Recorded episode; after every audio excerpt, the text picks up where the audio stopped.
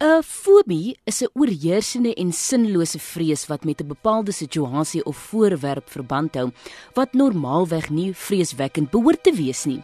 Fobies verskil van gewone vrese, daarom dat hulle lank duur en sinloos is en dat die voorwerp of situasie wat die vrees uitlok vermy word.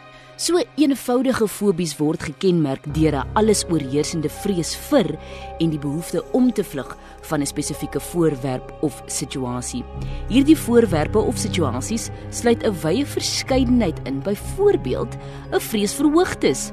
Dis nou akrofobie of dan nou geslote ruimtes. Ons almal ken hierdie een, klaustrofobie. Daar selfs 'n fobie vir water, aquafobie, diere, zoofobie, vuur pirofobie ensovoorts die lys gaan heel wat aan. Die angsontlokkende stimule is feitelik onbeperk. Nou die vrees vir die getal 13 staan bekend as triskaidekafobie. Vrees aan die ander kant is 'n gevoel wat sekere organismes as gevolg van waargenome gevaar of bedreiging ervaar.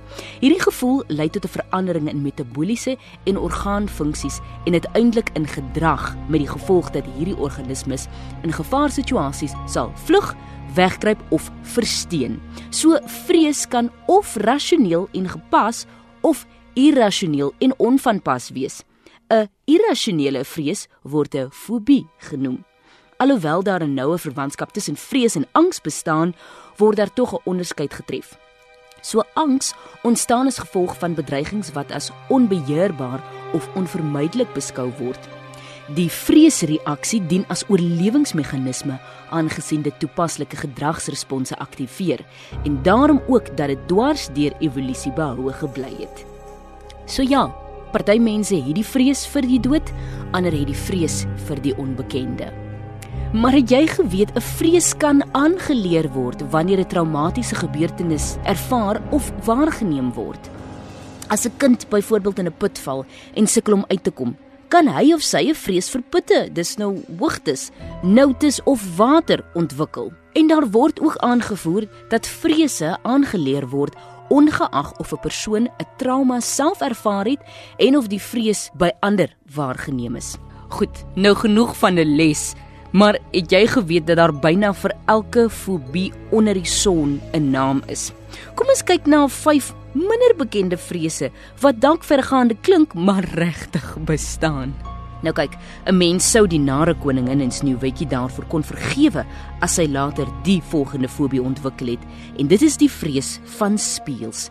Aisoptrofobie is dikwels gegrond op bygelowe. Mens kan dalk bekommerd wees dat die breek van 'n spieël vir hulle ongeluk sal bring of dat 'n spieël 'n manier van kontak maak met 'n bonatuurlike wêreld. So het jy dalk 'n vrees vir spieëls? Nee, dit het niks met die gewig te doen nie. 'n Ander vrees is kromofobie.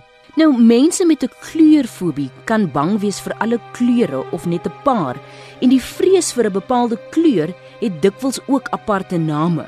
So kom ons skuif dan dadelik oor na ablutofobie. En iemand wat so 'n fobie het, gee net vir hul parfuum as geskenk. En snaaks genoeg kom die fobie meer algemeen by kinders en vroue voor as by mans.